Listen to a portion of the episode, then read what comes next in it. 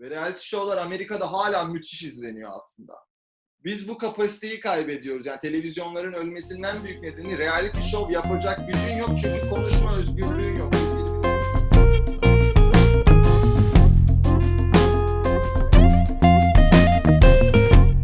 Asafçığım hoş geldin. Hoş bulduk kardeşim. Nasılsın? Valla iyiyiz be. Karantina günleri. Evdeyiz. Sokağa çıkma yasağı var biliyorsun burada. Bayram mübarek olsun. Allah razı gelsin. Senin de bayram mübarek olsun. Teşekkür ederim. Sevgili Asaf Otvit. Bayram var mı İngiltere'de? Twitter'da Eid mübarek trend topikti de. Eid mübarek ne demek? Ne bileyim herhalde bayramınız mübarek olsun demek İngilizce. Yani de Eid mübarek nedir diye bakmadım yani. Ramazan mübarek demek gibi bir şey belki de ya da Eid ne anlama geliyor lan bilmiyorum. Hiçbir fikrim yok. De Muhafazakar bir ailede büyümüş biri olarak. Evet yani de İngilizce ile alakalı muhafazakar aileler çok bilmez İngilizce herhalde. Öyle mi diyorsun? Peki. Peki. Abi bu arada çok yedim valla. Üzerine afiyet. Biraz şişkinim. Sohbet ederek yakmayı düşünüyorum seninle. Bu böyle biz başlarken muhabbete böyle geyik havadan sudan yapıyoruz falan ama buralarda insanlar kapatıyor mu acaba? Hiç de bilmiyorum ha. Ee, yok insanlar kapatıyor mu, insanlar açıyor muya bakmayacaksın yani. Taha diye bir adam var, Asaf diye bir adam var. Bu adamların muhabbetini dinleyen dinleyecek. Yani dinlemeyene şey yapamayız ki. Bizi yakalamak için dakikadan size ilginizi çekecek şeyler söylemeye çalışıyoruz falan durumunu yaşatamayız yani. Ya herhalde yapmayacağız zaten de hani ben öyle bir düşündüm. Ya bir sene 52 hafta abi. Biz 52 hafta seninle muhabbet edeceğiz.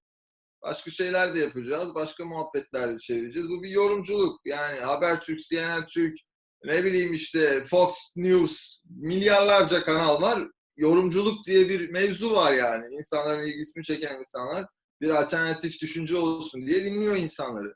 Biz de onlardan birisiyiz. Yok oğlum onu demedim zaten. Yani Fox'ta portakal ne haber ya diye girmiyor ya konuya. O yüzden söylüyorum. Sen ama şeyi izlemiyorsun herhalde. Ee, sabah haberlerini izlemiyorsun İsmail Küçükkaya'yı. Günaydın? Türkiye'm nasılsınız Türkiye'm biliyorsunuz. Bu bizim arkadaşımız işte kameraman Mehmet zaten tanıyorsunuz kendisini falan. Ya, harbi mi? Bu Üslup işi, üslup işi yani. İyi tamam okey. İsmail Küçükkaya beni aldı.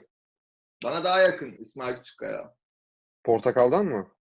Portakal'dan. Portakal çok sinirli, agresif ya. Sinirleniyor hemen. Her şeye sinirleniyor. Ben seviyorum onu da. Yani şey olarak hani vardır ya e, Recep İvedik'in böyle zam diye vuruyor reyting çıkıyor falan. Hani o şekilde yakın aslında. Güzel üslup olarak da. Benim onun daha işte, İsmail Küçükkaya tarzını seviyorum yani. Nutuk'tan biraz bir şey okuyayım falan. Abi Abi- süper İsmail Küçükkaya'nın da kendi has bir tarzı var. Evet, evet bayılıyoruz yani.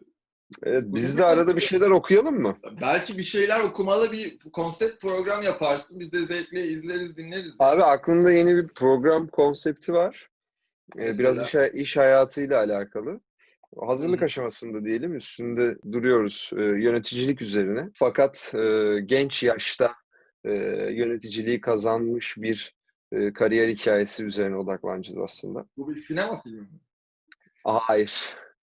Genç yaşta nasıl? Genç yaşta yani 25 yaşında bir sektörde, e, sektördeki iyi bir firmada yönetici olarak nasıl işe başladığını anlatsın istiyorum. Güzel olur. Ben dinlemek isterim yani. Evet, yani bence ilgi çekecek bir hikaye. Yani ilgi çekmeli yani sonuç olarak 25 yaşında insanlar işe başlamamışken yani Türkiye şartlarından bahsediyorum. 25 yaşında nasıl yönetici oluyorsun? Orta düzey bir yönetici. Ve bundan Aa. sonra hayatın nasıl ilerliyor falan. Ya, story çok ilginç olması çok önemli değil. Anlatım, e, detay, e, E tabii yorum- biz biz biz biz bunun üzerine işte biraz çalışma yapıyoruz yani. Daha vakti var zaten. Onun üzerine biraz çalışmak lazım. Yani bir sohbet programı gibi olmadığı için biraz daha şey yapacağız. konsept lazım belki. de. Aynen üstüne çalışacağız ki var vakti daha. 5 bölüm falan düşünüyorum şimdilik. Güzel. Güzel 5 yani. bölümlük bir seri olacak gibi düşünüyorum. Bakalım kanalı geçireceğim, ele geçireceğim kanalı. Geçir canım ya. Kanal senin olsun da. İçerik üretelim abi ya. İçerik, YouTube'a içerik üretelim yani. Abi YouTube'a içerik üretmek lazım artık ya. Sanki böyle böyle bir geç kalmışlık hissi seni daha da e, geçe bırakıyor anladığım kadarıyla. Böyle bir durum var. O yüzden o geç kalmışlık hissini üstümüzden attık biz. O yüzden YouTube'a biraz daha saldırıyoruz. Saldırıyoruz denir mi buna bilmiyorum da. Hani buralarda olmaya çalışıyoruz. Çok ortada yani. Evet. Ya buralarda olmaya çalışıyoruz artık. Bir de şey yani. Böyle keyifli bir şeydi. Anlamsız bir şekilde. Bence de ya. Bir de ben mesela dün Fadi'ye söyledim yani. Fadik psikolog normalde akademi yapacak falan planları o yönde. Ama mesela dün şeyi tartıştık. Yani eskiden yazar kitabı yazar, işte sinemacı filmi çeker falan gibi böyle bir benzer içeriğin kendisi meslekle ilişkili olarak şekilleniyor. Hani bu kullanılan aracı Evet. şey kağıt ya da işte video vesaire.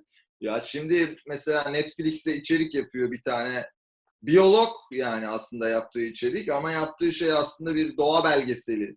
Ama içeriğini kendisi yazıyor. Onun altında onun imzası var. Kreatör olarak bir biyoloğun ya da işte e, herhangi bir çalışma izlediğin zaman altında belki de sosyal psikoloğun adını görüyorsun. Çalışma aslında iyi bir belgesel ya da iyi bir film ya da dizi ama kreatör olarak gördüğün kişi aslında sosyal psikolog. Yani derdini anlatmak için e, kağıt yani akademisyen dediğin makale yazar işte videocu dediğin film çeker kısmından çok çıktı. E, Evet. Content'in kendisi meslekle ilişkili değil artık. Sen kendini e, hangi içerikte anlatabiliyorsan o kadar çok insana ulaşabiliyorsun. Tamamen herkesin elinde bir durum oluştu. O yüzden bu taraflara YouTube sayesinde mi oldu sence? YouTube değil, internet sayesinde da demek daha doğru olur. YouTube tabii ki bunda büyük pastayı alan e, şey e, web site. Ama internet sayesinde ya ben şeyimi, anlatıcılığımı e, insanlara duyurmak için neyi kullanabilirim? YouTube'u kullanırsan evet 2 milyon insana ulaşma şansın var. Podcast'te belki daha küçük bir kitle. Ama Evet. her şekilde olarak bunu makale yazıyordum ben. Makale yazan bir insandım ve kendimce bir akademisyenlerle bir arada bir ortamdaydım. Bunu artık genişletebiliyorum. Ve bu sayede daha büyük networkler, daha çok insana ulaşma fırsatı, belki düşündüğüm fikirlere daha çok yatırımcı çekme şansını elde edebilirim. Kapılarını bunlar açıyor. Yani Evet. Başka bir şey açmıyor artık. Yeni bir dünya var. O yüzden YouTube bu anlamda da önemli, çok önemli bence. Yani. Fazlasıyla önemli ya. Aslında internet demek bana biraz şey gibi. Şov gibi geldi şu an sevgili Asaf. Yani internet 30 yıldır var. Da YouTube YouTube çok hızlı bir adım attırdı bize yani. Netflix Netflix bile hala o kadar değil yani. Netflix artık hayatımızın Ama- içinde ama büyük proje olarak değerlendirebiliriz artık. YouTube YouTube herkes için var ve senin dediğin gibi yani e, insanlara çok hızlı ulaşıyorsun ve şey bir projen varsa hayata geçirme şansın çok yüksek tabii. Örneği de çok bir de. YouTube'u öne alman mantıklı dediğin de doğru ama bu şeyle neyin yerine neyi koydun cümlesiyle de ilişkili. Yani YouTube televizyonun önüne geçmek isteden rakip olarak aldığı şey eski televizyon seyircisine aslında YouTube diye bir şey yarattım ve oraya çekmeye Evet. çalıştım. Hani Netflix'in rekabeti çok daha farklı çünkü ücretli üyelik üzerine kurulu bir sistem. Onun Evet. dinamikleri değişiyor. Ama televizyon da ücretsiz, YouTube da ücretsiz. Aynı deneyimi YouTube'da da almaya çalışıyorsun durumu var. O nedenle YouTube elbette pastanın büyük bir kısmı çünkü e, bu konuyla yani medya üzerine hiçbir düşüncesi olmayan insanlar televizyon izleyicileri. Televizyon izleyicisi olmak için hiçbir niteliğe ihtiyacın yok. Açarsın izlersin. YouTube Aynen bu, bu görevi üstlendi. Bu boş zamanı YouTube üstlendiği için çok değişik bir yerden çok değişik şeyler yakalıyor YouTube kitle anlamında da. E, Ve anlam olarak da değiştirdiği şey çok kıymetli bence. Mesela işte televizyon dönemini düşündüğün zaman e, televizyona gitmek için birilerine kendini kabul ettirmen gerekiyor. Ve Yapımcıya, çok zorlu bir süreç. Çok zorlu bir süreç. Evet, İğrenç, iğrenç. patronuna vesaire Evet. hani birilerinin altına yatmak işte bir iş için e, Aynen. bir şeylerden vazgeçmek ya da bu Me Too hareketi hani Hollywood'da oldu ya televizyon Evet. aslında bunun asıl yeri yani asıl menbaı. Televizyona çıkmak için e, harcanan şeyler, e, kendinden vermeler vesaire vardı. Nedeni de belli yani bir tane, e, beş tane kanal var ve 8 ile 10 arası bir tane prime time var. O zamana kim çıkacak? Buna bir kişi karar veriyor, beş kişi karar veriyor. O karar vericinin elindeki güç çok kıymetli. Çok enteresan Baba. bir güç. Baba ya özür dileyerek bölüyorum. Geğiriyorsun. Abi, abi ne yedim biliyor musun? Ve keşke kokuyu alsam biliyor En az 10 diş sarımsaklı bir taze fasulye yedim ya. Allah kahretsin ya. Allah kahretsin. Acayip şey karnım. Abi özür özür diliyorum ama burayı kes- kesmeye de bilirim. Yani hiçbir fikrim yok. Senin Yani- geğirirken insanlar görsün. İnsanlık hali. Her, bir haftadır Habertürk'te osuruk muhabbeti paylaşılıyor. Yani. Keşke insan- o aklıma geldi. O aklıma geldi. Belki evet işe yarar diye düşündüm ben. Yani. Keşke olsa da yani. Çok sanmıyorum bizim öyle hype'larımız yok henüz ya. Abi hiç yok ya. Hiç yok. Neyse. Televizyonumda bir kablolu yayını yok. Ee, sadece YouTube ve Netflix yüklü. Amazon Prime de yüklü de onu çok şey yapmıyorum. Ee, şu an daha yeterince aktif değilim. Ama Amazon Prime'ın e, Amerika içerikleri çok e, geniş. Ne diyecektim? Türkçe altyazısı yeterli seviyede mi? Her, her diziye Kesinlikle. üretiyor mu? Kesinlikle yani eğer Amazon Prime Türkiye'den bir şey açıp izliyorsan altyazı sorunun kesinlikle yok. Hatta ekstra özellikleri falan var işte. Durdurduğun o sahnede çalan müziği yazıyor. O sahnedeki herkesin oyun, bütün oyuncuların isimlerini yazıyor falan. Hatta istediğin yere zoom yapıyorsun, her şeyi görüyorsun falan filan gibi ekstra özellikleri var. Ama daha işte şey yok yani böyle çok içerik yok. Çoğu Amazon Prime orijinal içerikleri oluyor genelde. Anlaşmaları zayıf. Netflix'e göre tabii ister istemez. Ama fena değil gibi yani en sıkı rakibi zaten Netflix'in. Ama dediğim gibi neyse yani bir kablolu yayın yok. Yani ha, herhalde benim yaş aralığımın birçoğu da artık e, tamamen internet altyapılı medya seyircisi olmuştur diye düşünüyorum. Onu da çıkartırsam artı 18 koymak zorundayım. Nasıl yani? Bir tişörtü de çıkaracaksın sandım da. Yok oğlum çok sıcakladım ya. O yüzden Ben de biraz sıcakladım ama beyaz sevdiğim için çıkartmıyorum. Benim yaşıtlarım diyordum. İnternet tabanlı medya izleyicisi ve kullanıcısıdır artık çoğunlukla. O yüzden televizyonun yavaş yavaş çöküşüne şahit olacak şeyler de kişiler de biziz gibi geliyor bana. Yani bir üst nesil izlemeye devam edecek. Önceden şeydi ya bu iş. Yarın akşam 8'de. Lan Evet. kim sallar bunu? Yarın akşam 8'i kimse sallamaz yani kusura bakma yani. İzlerim YouTube'dan diyecek. Evet istediğim zaman izlerim. Sen yükle. 8'de kaçta yüklüyorsan yükle. Benim haberim olur.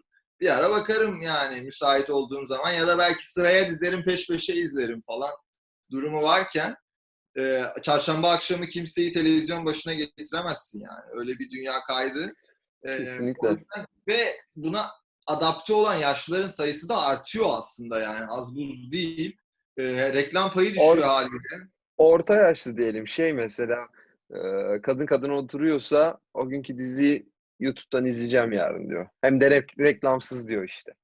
Evet ya şey olarak e, ne derler adına bu işlerin bütçesini şey belirliyor ya sonuçta yani. Televizyon reklam geliri neyse ona göre Evet. bir bütçeli bir program yapabilirsin ya. Para yoksa çok amel yok mevzusu işte. Evet. E, haliyle televizyondaki içerikler bir yerden sonra tekrara düşmesinin ya da işte küçük ölçekli hale gelmesinin kapıları aralanıyor. Bir iki sene sonra dizilerin yani sevdiğimiz oyuncuların hiçbirini televizyonda göremiyor olacağız. Çünkü diyecekler ki yani para yok, senaryo da yok. E, Zaten iyi iş yok. Netflix'te var, Blue TV'de var, orada var, burada var. Amazon Prime Türkiye içerikleri yapmaya başlayacak az önce konuştuğumuz gibi. Ya da Evet. YouTube orijinalistler başlayacak, YouTube orijinal içerikleri başlayacak. Aynen Ee, öyle. Süreler kısılacak vesaire. Şu an televizyondaki hikaye çok uzun süre çalışacaksın belli bir paraya ve zevk de almayacaksın ya da CV'ne belki yazmayacaksın. Hani şey gibi bu ekmek parası işleri artık televizyonda dönüyor. Televizyonun ölümü bu. Yani nitelikli eleman bulamadığın zaman e, yaptığın iş de nitelikli olmuyor. Süre uzadığı zaman haliyle yaptığın işin niteliği de düşmek zorunda kalıyor vesaire. Ya gençlerin ve yaşlıların hani ikisi birlikte genç kariyerine yeni başlamış insanların aktör olduğu, yaşlı ada, yeniye adapte olamamış aktörlerin yine içinde olduğu dizileri izleyeceğiz yüksek ihtimalle yani. İçinde sevdiğin aktörler ya da yönetmenler olmuyor olacak belki de televizyonda. Önümüzdeki birkaç yıl bu Ya iş şimdi böyle burada- devam edecek. Televizyon derken neyi de kastettiğimiz önemli. Şöyle görüyorum. Bütün TV kanallarının e, çok kısa bir süre içerisinde birçoğunun var. YouTube'da zaten canlı yayınları olacak. Ee, uydu yayınının biteceği kesin ama kanallar parayı aktararak e, YouTube ya da başka bir platform üzerinden hayatlarına devam edebilirler gibi de geliyor. Ana haberler yani. devam eder en azından. Yani YouTube'da Ben- olacaklar. Çok katılmıyorum bu duruma. Yani en azından şey anlamında eski bildiğimiz bu kanalda ATV vesairenin YouTube'da tekrar aynı güçle devam etme mevzusu biraz şöyle. E, ATV'nin ve Kanal D'nin yani bu tip eski bildiğimiz kanalların gücü kanalın kendisinin niteliğinden kaynaklanmıyor. Dış yapımcı sayesinde iyi işleri kanala çekiyorlar. Gidiyor iyi bir Evet. dizi yapımcısına parayı basıyor o diziyi oynatmak için. Gidiyor dış yapımdan iyi bir e, yine bu formatı vesaire programına getiriyor, yürütüyor. E, bu yapımcıların kendisi enayi değil ki yani. YouTube'da zaten istediği yapımı istediği şekilde daha farklı yerlerde daha şekilde daha ergonomik ya da uygulanabilir şekilde satabilir ya da kendisi uygulayıcı olarak bu işi üstlenebilir. Kanalın önceki gücü bunu milyonlara gösterme gücüydü. Bunu milyonlara gösterme gücünü eğer sen YouTube'dan devşiriyorsan işin rengi değişti canım. Burada bizim kurallarımız konuşur der yani haliyle yapımcılar. Yapımcılar kanalları köpeğe edebilir yani bu saatten sonra. Ve kanal dediğimiz şeyin e, gücü reklamdan geliyor. E, reklamı YouTube'a odaklandırmışsan zaten senin paran yok. O yapımcıyla anlaşacak parayı da bulamazsın zaten. İçerik üreticileri aslında yapımcı dediğin şey e, diziyi ya- yaratan adam yani. Bunu bir şekilde sermayesini ve bütçesini oluşturup o içeriği ulaştırıp o içeriği bütün hale getiren kişiydi. Şimdi bunu sallıyorum Enes Batur yapıyor ve Enes Batur ekibiyle yapıyor. 8-10 kişiyle çalışıp yapıyor. Onu 20 dakika yapıyor bir haftada vesaire. Aynı şey aslında. Yani tüm YouTuber'lar birer yapımcı gibi çalışıyor aslında. Evet evet. E tabii canım hepsi birer şirket sahibi gibi oldu. Şöyle yani dizileri kaybedebilirler belki de ana haber bültenleri gücünü bir süre daha koruyacakmış gibi geliyor bana. O yüzden bu kanallar bir süre daha bu saatlerde reytinglerini yüksek tutmaya devam edecekler gibi. Yani çünkü alternatifleri hala yok yani. Bir Cüneyt Özdemir var. O da bugün Babacan'ı konuk etti mesela. 80 bin kişi izledi. Çok iyi bir çok iyi bir sayı. Cüneyt Özdemir'in tek başına kurduğu bir YouTube kanalı için. Yani tek başına bir medya devi olmaya doğru gidiyor. Bu da güzel bir örnek aslında. Bu arada Ama dediğim o- gibi yani bir alternatifi yok. O yüzden ana haberler bir süre daha güçlü kalmaya devam eder. Ben buraya o, o- şu konu da önemli. Yani televizyon aslında ölmek zorunda değil. Yani Amerika'da televizyon ölmüyor. Çok güçlü. Çünkü Evet. televizyonun şöyle bir hikayesi de var. Bu önemli bir şey. Ee, cumartesi akşam saat 8'de kimse televizyonda olmak istemiyor dizi için. Ama bu reality show'lar için öyle değil. Yani sallıyorum bizdeki Beyaz Show için öyle değil. Çünkü Beyaz Show canlı yayınlanacak bir şey. Canlı yayınlar için bu öyle değil. Ee, çünkü Hı hı. canlı yayınlanan şeylerin içinde birçok aktör var. İşte aktörlerin kastım oyuncu anlamında değil. Hani orada Anladım rol- anladım. orada bulunan insanlar anlamında birçok insan var. Orada konuşulanlar, orada gülünenler, orada ağlanan her şeyi aynı anda tüm ülke hissedip yorumladığı için o enteresan bir his veriyor. Yani onu aynı anda yapıyor olmak, beraber bir şey izliyor olmak. Mesela Twitter'a bunun yazmanın keyfi de var. Mesela gördünüz mü mesela birinin burnu akıyor. Bunu Twitter'da aynı anda yazdığın zaman milyonlarca rate alabilirsin. Çünkü herkesin aynı şeyi izlediğini bildiğin bir sahne yaşıyorsun. Evet. Bunun Peki aslında YouTube- çok yüksek. E peki YouTube'daki canlı yayını herkes aynı anda izlemeyecek mi? Eğer program izleten, kendini izleten bir programsa. Elbette izleyecektir. Ben televizyonlar ölmek zorunda değil derken şunu demeye çalışıyordum. O büyük stüdyolar, o büyük platolar, oradaki e, kapasite, bir şey yapabilme gücü vesaire Hı hı. e, o yok olmayabilirdi. Bizdekiler tamamen şeye döndü yani. Taş binaya hani inşaat inşaata döndü aslında yani. O Anladım. kadar para harcandı. Ama içeride hiçbir şey olmadığı için aslında o binalar çürüyor. Şimdi insanlar küçücük bir odada bir YouTube stüdyosuyla yine reality Ya, show yapıyor doğru Ağzın, ama ağzından aldın. Ama daha çok daha çok izletiyorlar kendilerini. Ha- ama işte şey diyoruz yine. Yani o stüdyoda yapılabilecek oyunlar, seyirci kapasitesi 2000 kişiyi bir yere koymak ve bununla ilgili bir program yapmak vesaire. Bu kapasiteye sahip kanallar ve reality show'lar Amerika'da hala müthiş izleniyor aslında. Biz bu kapasiteyi kaybediyoruz. Yani televizyonların ölmesinden büyük nedeni reality show yapacak gücün yok çünkü konuşma özgürlüğün yok. Bu birbiriyle biraz ilişkili. Evet Yani- kimse kalmadı zaten. Reality show yapan kimse yok herhalde. Ya Çünkü magazinel de olsa, siyasete dair de olsa şaka yaptığın zaman ertesi gün ceza gelme ihtimali var. Alkolle ilgili bir şey dediğin zaman, ufak bir bel altı şaka yaptığın zaman ceza falan yiyebilirsin. Bu işte canlılığı, insani taraf budur yani. Bir anda bir şey söylemek, gaf yapmak, komik bir şeye denk gelmek falan gibi şeyler, do- nobran olmak falan gibi şeyleri elinden aldı hükümet bu otoriter yapısıyla. Ve televizyonları aslında öldürdü, ölmeyebilirdi. Orada çok güzel dinamik bir yapı oluşuyor her zaman yani. Amerika bunun ekmeğini yiyor, İngiltere bunun ekmeğini yiyor. Türkiye'de bu YouTube'a kaldı. YouTube'a kaldığı için de evet 100 bin, 80 bin kişi birikiyor bir platformda çünkü yok. Başka türlü Evet. görmek şansın yok o insanları. Ama aslında ne kadar dar sınırlar içinde sürekli kopan yayınlar, sürekli donan görüntüler. Aslında televizyon bu kapasitenin çok üstünde niteliklere sahip şey olarak. Kesinlikle canım. aktif olarak. Kesinlikle. Ama insanların düştüğü durum hani gece konduda yayın takip etme durumuna düşürdü Türkiye olarak. Yani çok çok trajik aslında bir taraftan. Abi Babacan'ı izledin mi bugün? Babacana abi. Abi nasıl ya bu? Nasıl oldu? İlk defa böyle sanki e, lan böyle konular, sorular soruluyor, cevaplar veriliyor. Böyle şeyler oluyor muydu falan dedi. Abi Cüneyt, Cüneyt Özdemir ilk defa bu kadar sert sorular sorarken ya da şöyle söyleyeyim sorulmasını unuttuğumuz soruları sorarken ilk kez görüyorum. Ya Biz unutmuşuz yani. Bunlar çok basit şeyler aslında. 20 yıl önceye gittiğin zaman televizyonda Ali Babacan gibi dört siyasetçinin de aynı anda oturup bu sorulara yan yana rakiplerinin yanında cevap verdiği sorular aslında yani Türkiye'nin alışık olduğu şeyler. Biz unutmuşuz. Çok uzun zamandır hiç bu tarz bir şeffaf yayın izlememiştim mesela. Bir de yani O yüzden Ali hoşuma gitti. Benim de çok hoşuma gitti. Bir de Ali Babacan'ı tekrar etmek gibi olacak ama işte o, o da söyledi ya mainstream dediğimiz şey hani artık o med- mainstream medyada sizi görmüyorlar falan diye soru sormuştu Cüneyt Özdemir ilk başta. Hı hı. O da mainstream artık internet oldu. Mainstream'in tanımı değişiyor falan dedi. Bunun işte şeyini gördük yani. En güzel örneği 80 bin kişi izlemiyor abi. Haber Türkiye çıksan birisi falan. Kimse izlemiyor yani. 80 bin kişi canlı yayın aynı anda vesaire böyle bir dinamiği yok. Evet Main- konuya çok güzel örnekti ya. Bugünkü gerçekten şaşkınlık verici. Ve 2 milyon falan izlenecek iki günde muhtemelen. Evet evet evet. Yani herkesin bakacağı bir şey. O hissi de veriyor mesela o. Hani ya şu yayını izledin mi? Yok izlemedim dur bir bakayım. Lan bu imkanın televizyonun vermiyor olması çok can sıkıcı. Bu radyoda bir şarkıya denk gelmek gibiydi önceden gerçekten. Hani, hani bu, bu es, es, eskinin e, nimetlerinin hani nimet dediğimiz şey işte e, televizyonda bir şey izliyor olmak e, kaçırdığın zaman mecburen tekrar ne zaman verilecek diye bekliyor olmak Evet. falan durumları aslında kabul edilebilir şeyler de değilmiş. Bayağı aptal işi şeyler hani düşününce. Yani nasıl oluyor ki bu yani? Çektim ver falan. Evet ya bugün bugün bugün geri dönüp baktığın zaman şey lan ne alaka dediğin Çok şey. Bir de aklıma analog. aklıma şey geldi. Bir canlı yayın var mesela. Atıyorum sen dışarıdasın ben sana mesaj atıyorum diyorum ki babacan canlı yayında baksana diyorum. Telefondan girip bakabilirsin. Evet yani abi. dışarıda otururken kenara koyarsın kulaklığın orada olur bir kulağın.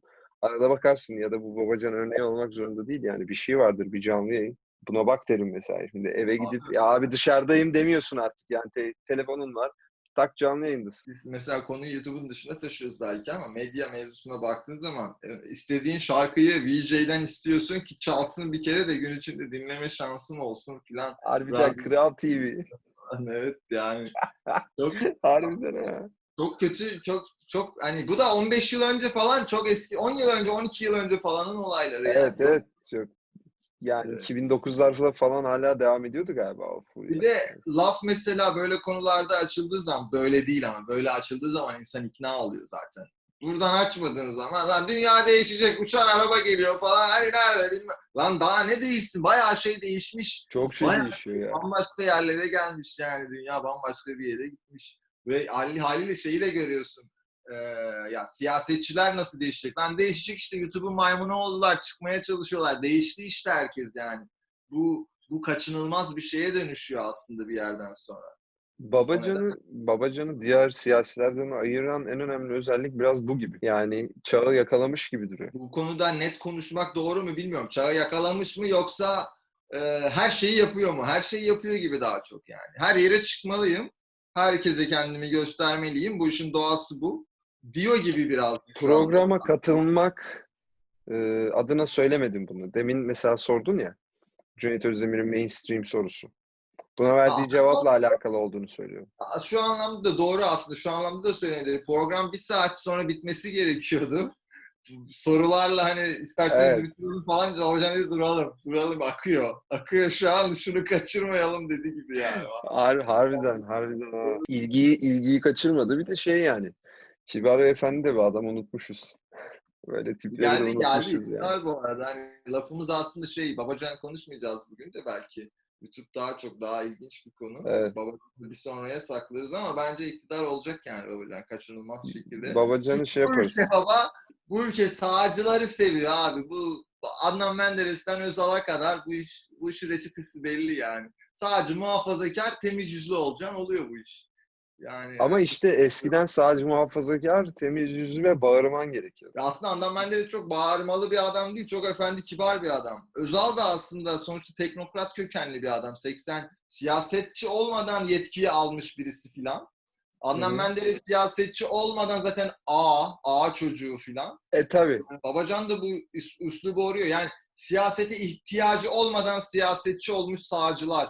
Süleyman Demirel de öyledir mesela. Zorla Evet. getirip siyasete sokmuşlardır Demirel'i. Evet, Aslında adam- Adam bir- zor, zorla zorla siyasetçi yapmışlar yani. Herif bir imza atarken aklına gelir miydi Türkiye'nin en önemli siyasi figürlerinden biri olacağı? Hiç gelmezdi de bırakıp gitmişliği de var. Demirel'in bırakıp gitmişliği ve sonra geri döndürülmüşlüğü falan da var. Bu, bu çok hani mayasına uyuyor Türk siyasetinin abi. Ama biz biraz YouTube'dan, YouTuber'lardan, yeni medyadan bahsedelim ki konumuz dağılmasın. Yoksa bambaşka bir şey. Şimdi hemen hemen seni toparlayacağım. Yani benim görevimi üstlendin. Teşekkür ediyorum. Aklımda şu vardı. YouTube medya algısını değiştiriyor. İşte televizyonun çöküşüne şahit oluyoruz. Yani birçok şeye sebep olurken şuna da sebep olmuş gibi geliyor bana. Gazetecilik anlayışını da değiştiriyor mu sence? Ya işte bu YouTube. aslında benim cümleye girerken hani Fadik'le ilgili konuştuğum konuya yakın bir şey bu.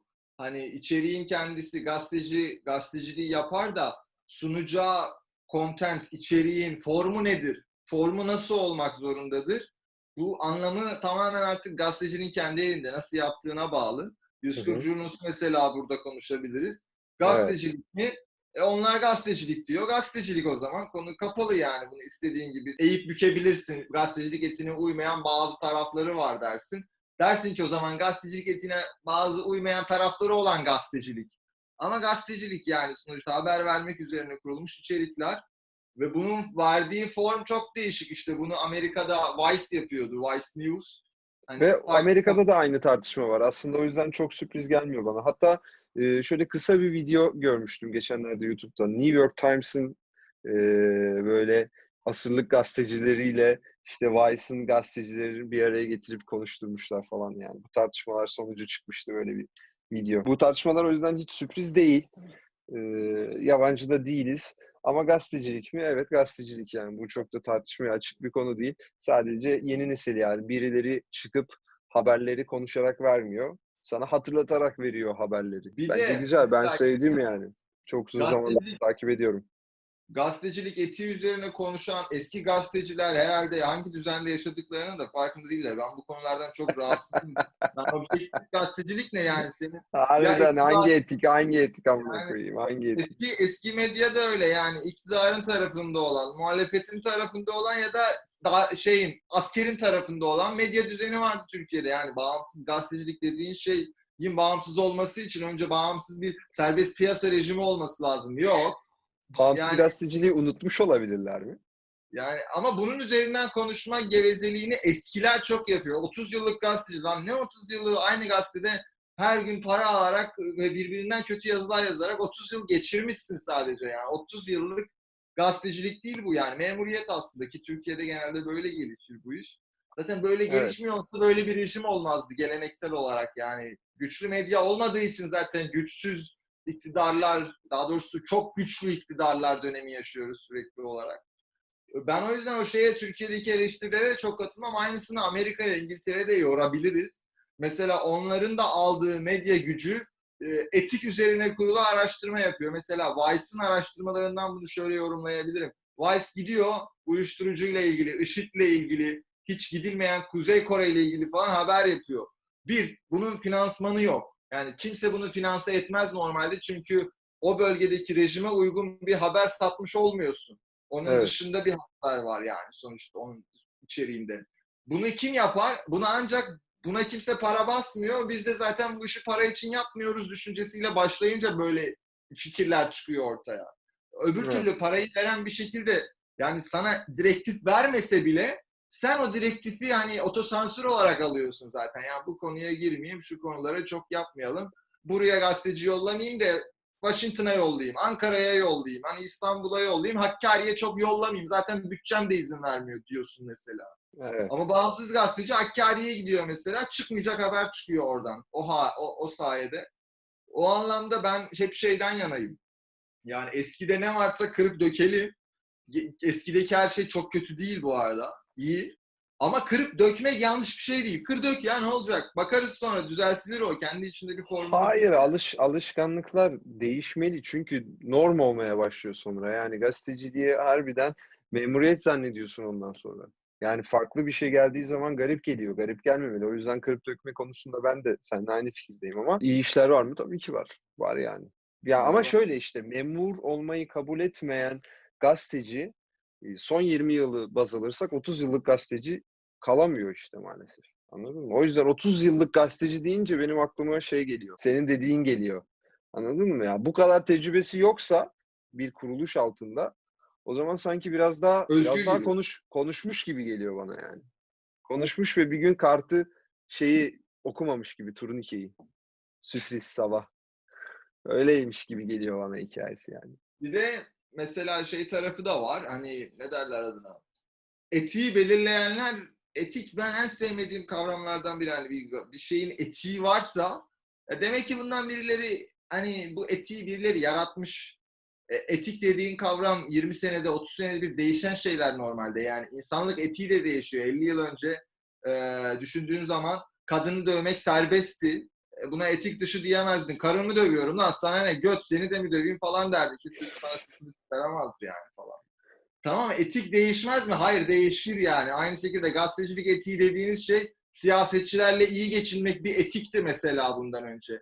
Haber Hı hı. almak, e, haber aldığın kişiyle de bir şekilde huyunu yapmak, e, onun aranı düzgün tutmak bir etikti mesela. Bunlar ne kadar ahlaklı olduğu tartışmaya götürür şeyler. O yüzden etik dediğimiz şey de önce etin ne olduğuna bakmak lazım. Böyle kutsalmış gibi bir şeyleri öne koyup arkasında durup ne ha biz öyle değiliz bunlar işi bayağı sıçtı batırdı falan diyor olmak gibi geliyor bana. O yüzden her şeyi biraz kırıp dökmek ya da en azından biraz kırıp döksünler. Ne olacak seninle ilgili değil bunlar. Ee, Onlar kırıp döksün sonra arkasından bakıp iyi bok yediniz deriz zaten. Hani diyebiliriz sonuçta bu bir içerik yani. Bu etikten bahseden, bağımsız gazetecilik e, olmadığını söyleyen ve bunu eleştiren ya da bla bla önemli değil. Bu kişilerin hepsinin aynı platformda e, doğru işi gösterme şansları da var. Artık herkes bağımsız olabilir ve doğru iş bu da diyebilir. E, eğer doğru iş oysa binlerce kişi onu takip edecek yani. Takip edecekten kastım buton anlamında söylemiyorum. E, ilgi görecek yani doğru iş yapıyorsan zaten kabul edilirsin. Çıkar göster diyorum yani böyle durumlarda Bir anladın de mı? bunun sınırı yok. Yani en iyi film kavgasına benziyor bu işte. Evet. Yani yok ki bunun sınırı. Yani her sene sürekli olarak yenilenen ve haber dediğin şeyi sen yaratırsın aslında şey olarak. Yani git birine arkadan dürt sonra arabanın önüne it fotoğrafını çek böyle yaratırsın anlamında söylemiyorum da yani. Hani bir araştırır bir şeyler bulursun oradan bir şey kuyu kazarsın ve oradan bir haber çıkar. Onun onun adı haberdir. O yüzden bu gazetecilik nedir ne değildir tartışması bana hep absürt geliyor. Aynı şekilde yeni medyaya bok atma mevzusunda da Lan abi adı yeni medya zaten yani. Sen eski değerlerini eleştireceksen televizyona şeytanın icadı diyen hocadan ne farkın var yani? Maaşını veren yok bu adamın. Yani bu adam kendi başına bir şeylerle uğraşıyor. Yani senin zaten söz söyleme hakkın yok. Kardeşim diyesin de geliyor yani. Çünkü YouTube'un yarattığı bu bu mevzu çok hoşuma gidiyor aslında. Yani benim maaşımı e, patronum vermiyor. E, Patronum normalde maaşımı verdiği için işime de karışır. Hani bu dünya düzeni Evet. böyleydi parayı veren işe karışır durumu vardı. Bunun değişiyor olması zaten gördüğün içeriklerin inanılmaz farklı olmasına neden oluyor zaten. Yani. Aynen Hadi öyle. ne garip şeyler yapıyor bu adamlar diyorsun yani. Canın ne istiyorsa işte. Evet, çok- Müthiş aslında baktığın zaman. Mesela bizde YouTuber'lık genelde boklanan bir şeydi önceden. Hani hala boklanıyordur da YouTuber'lar boklanıyor. Yani slime videoları işte challenge Evet. yapan bir grup çocuk falan diye. Evet. Biraz şeyle ilgili. Mesela bir YouTube normalde ilk çıktığında işte ben YouTube'a böyle 15 10 13 15 yaşından beri çok delisiydim yani. O zaman İngilizce bilmiyordum ama İngilizce YouTuber'ları falan takip ederdim. İşte Ray William Johnson vardı, işte Shane Dawson vardı, I Justin falan vardı. İşte Niga Higa vardı. Bu adamlar 85 90 nesli falan. Aralarında 80'liler, 82'liler falan var yani ve sene 2009-2010 işte Amerika'da şeyler patladı. Bu YouTuber'lar patladı. Evet. İşte Ray William Johnson vesaire. Ve bu adamlar aslında şeyi kopyalıyordu bir nevi. Yaptığı formatlar hep şey. O bizim Beyaz Show Zaga konsepti. Onların işte Saturday Night Live falan dedikleri Evet.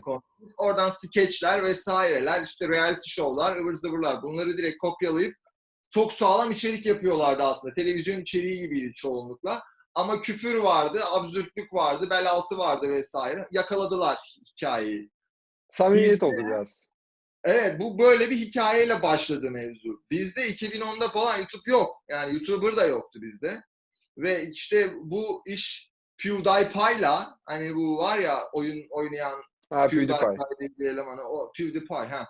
O biraz hikayeyi değiştirdi hani. Ee, içeriği normalde yapanlar aynı televizyon gibiydi o zaman. YouTuber dediğin kavram çok üst prodüksiyon yapıyordu adamlar. Çaykal falan çok acayip işler yapıyorlardı gerçekten. Bu PewDiePie işi çok ucuzlaştırdı. Hani bilgisayardan oyun videosu çekiyorum, eğleniyorum. Gırgır şamata. Gamer'ları taşıdı sanki oraya. Türkleri de taşıdı yani. Türkiye'deki YouTuber hikayesi bu adamla başladı. Çünkü zaten bu adamın hedef kitlesi 10-15 yaş. Evet. Ee, bu şekilde bir klonlar oluşmaya başladı ve ondan sonra 10-15 yaş YouTuber oldu bizde. Hani bizde YouTuber'lık 30 yaşında şey işte bu Amerika'dakiler gibi başlamadı hiçbir zaman. İlk ünlülere baktığın zaman işte Burak Oyun'da, Enes Batur, işte Orkun Işıtmak vesaire ilk ünlülerimiz de bunlar. Öncesinde yok bir şeyde yani Evet. bunlarla başladı hikaye. Hayır tüm küfür buna gidiyor. Lan bunlar mı şey YouTuber dede lan 98'li çocuk zaten 2000'li çocuk. Ne istiyorsun adamdan? Zaten bunları yapmalı. Benim o yüzden Türk YouTuber'larını boklama konusunda on adım geriden bakıyorum. Lan neyini boklayayım? 18 yaşında çocuk ne yapsın zaten? Eğleniyor işte. Çocukları da eğlendiriyor diyorum. Hayır Ama- ama bir de işte şöyle bir şey var burada. Yani Enes Batur örneğini biz seninle konuşmuştuk ya yıllar önce hatırlıyorum. Kaç yaşında başlıyor? Atıyorum 14 yaşında, 13 yaşında başlıyor. Her gün video yüklüyor. Yıllarca. Hayır o o şey o o istikrarın başarıyı getirme hikayesi başka ama kontentin içeriğin hiçbir zaman iyi olmaması ve slime'la, challenge'la, uyduruk atmasyon şeylerle bizim YouTuber dediğimiz bunlar. Ha, bunlar mı para kazanıyor falan burun kıvırması. Lan tabii ki bunlarla yapacak yani çocuk çünkü ufacık ve bu içeriği de sana yapmıyor zaten. A- Arkadaşlarına yapıyor. 12 yaşındakilere, 15 yaşındakilere yapıyor. Bizim bir de trajedimiz bence yani YouTuber trajedisi şurada başlıyor. Bu çocuklar abi çok para kazandılar tamam mı? 2015-2016'dan sonra piyasaya aldılar. Ve hani bizim beyaz yakalılar, orta yaşlılar vesaire buna aşırı bilendi yani. İş bırakıp YouTuber olmak isteyen insanlar başladı. Kesinlikle. Cringe videolar o zaman başlamıştır bizde. Hani 30 yaşında insanlar slime videosu çekiyor. Ya da ne bileyim çocuklara içerik yapmaya çalışan bir grup adam. En komik videolar ondan sonradır. 2016, 2017, 2018'e baktığın Herkes zaman şaklaman oldu. yani kendini rezil eden 30 yaşında, 35 yaşında insan görüyorsun. İşte bu mevzu yanlış anlamakla ilgili yani aslında. Yani işi, işi kime yapıyorsun? Ne yapıyorsun? Neyi neden Abi yapıyorsun? hiçbir fizi, fizibilite yok işte. Yok. Sadece hani YouTube buymuş, YouTuber'da bunlarmış, ya biz de bunları yapalım falan da üf, çok kötü şeyler yaşandı. Çok büyük trajediler yaşandı. Ki o çocuklar Abi herkes. prodüksiyon Her yer akıllı TV videosu gibi oldu. Her yer. Sokağa çık akıllı TV herkes. Abi herkes. Herkes elinde kamerayla rezil ediyordu kendini bir arada. Harbiden. Yok Şimdi en gene gene gene biraz öyle de yaş yaş ortalaması düştü yani. Kendini rezil eden e, yaşı küçük oluyor genelde artık. O kadar şey kalmadı dediğin gibi 30 yaş civarı. Çünkü işte şey bu. Hani ritim bir yerden sonra kendini bulur işte. Barış Özcan çıkar, Flu TV çıkar lan başka şeyler de yapılabiliyor. Biz niye kendimizi rezil ettik durumuna da gelirsin. Hani her şey yapabilirsin. Bu bir bu bir içerik ve tüketiciyle olan ilişkinle alakalı yani ne sattığınla alakalı. Herkes aynı şeyi satıyor diye lokmacı açmak gibi. Harbiden herkes lokmacı açtı YouTube'da ilk ilk sürelerde. Şimdi herkes ritmini buluyor. Hani ben kebap güzel yapıyorum. Ben kebap yapayım. Şimdi bilmediğimiz işe girmeyelim demeler başladı. Televizyon ölecek. Okey öldü ölecek de e, hala aşağıdan gelen bir nesil var. Hala işte tam bu YouTube'a adapte olamamış bir nesil var. Artı hala YouTube'u izleyip izlememe konusunda tereddütte çok insan var. YouTube hala şey odaklı. Yani e, erkeği kadını birbirine bölmüş. Kadınlar makyaj kanalında daha çok vakit geçiriyor. Diğer tüm kanallar erkek odaklı filan yani yüzdelerine de baktığın zaman görüyorsun, yorumlara baktığın zaman da görüyorsun. Şey olarak hani dediğim o yapımcıların gelmesi hani televizyondaki ritmin oturması süreci daha 5-10 yılı vardır belki yani. 10 Ne yıl yok ya bence. YouTube ne olacağını bulmadı belki de. Aslında doğru teşhis bu olur. YouTube'da ne Evet. yapacağını bilmiyor aslında yani. Herkesi Bek- çağırıyor. bek- beklemediği bir patlamaydı belki de yıllar önce. Çok değişik bir ritim var. Origins, Origins belki biraz onlara yol çiziyordur. YouTube Origins. Yani o şey gibi biraz e, ne derler adına YouTuber zaten içeride YouTuber'lık yapan zaten içerik üreten adamları aslında bir nevi kadrolu eleman yaptılar orada. Evet. Hani senin içeriğin zaten iyiydi. Sen bir de bana ekstra bir sezonluk bir şey yap. YouTube Origins'ler biraz öyle. Hani şeyin dışına çıkmıyorlar çok. YouTuber'lık yapan insanlara Origins yaptırıyorlar. Hani o şey iş gibi- değişir bence bu arada. Bence de Hatta- değişebilir. Hatta yani böyle 5 yıl falan bile demeyeceğim. Yani 1-2 yıla görürüz o değişimi. Bence de her sene yeni bütçelendirmeler, yeni projelerle devam eder. Çünkü Yani net, Netflix'i falan çok üzer yani. Can burada. Hani önceden mesela 10 yıl önce Kanal D, Manal D izlediğin zaman böyle yeni sezona hazırlanırlardı. 20 dizi, 10 program, yeni transferler falan. Evet.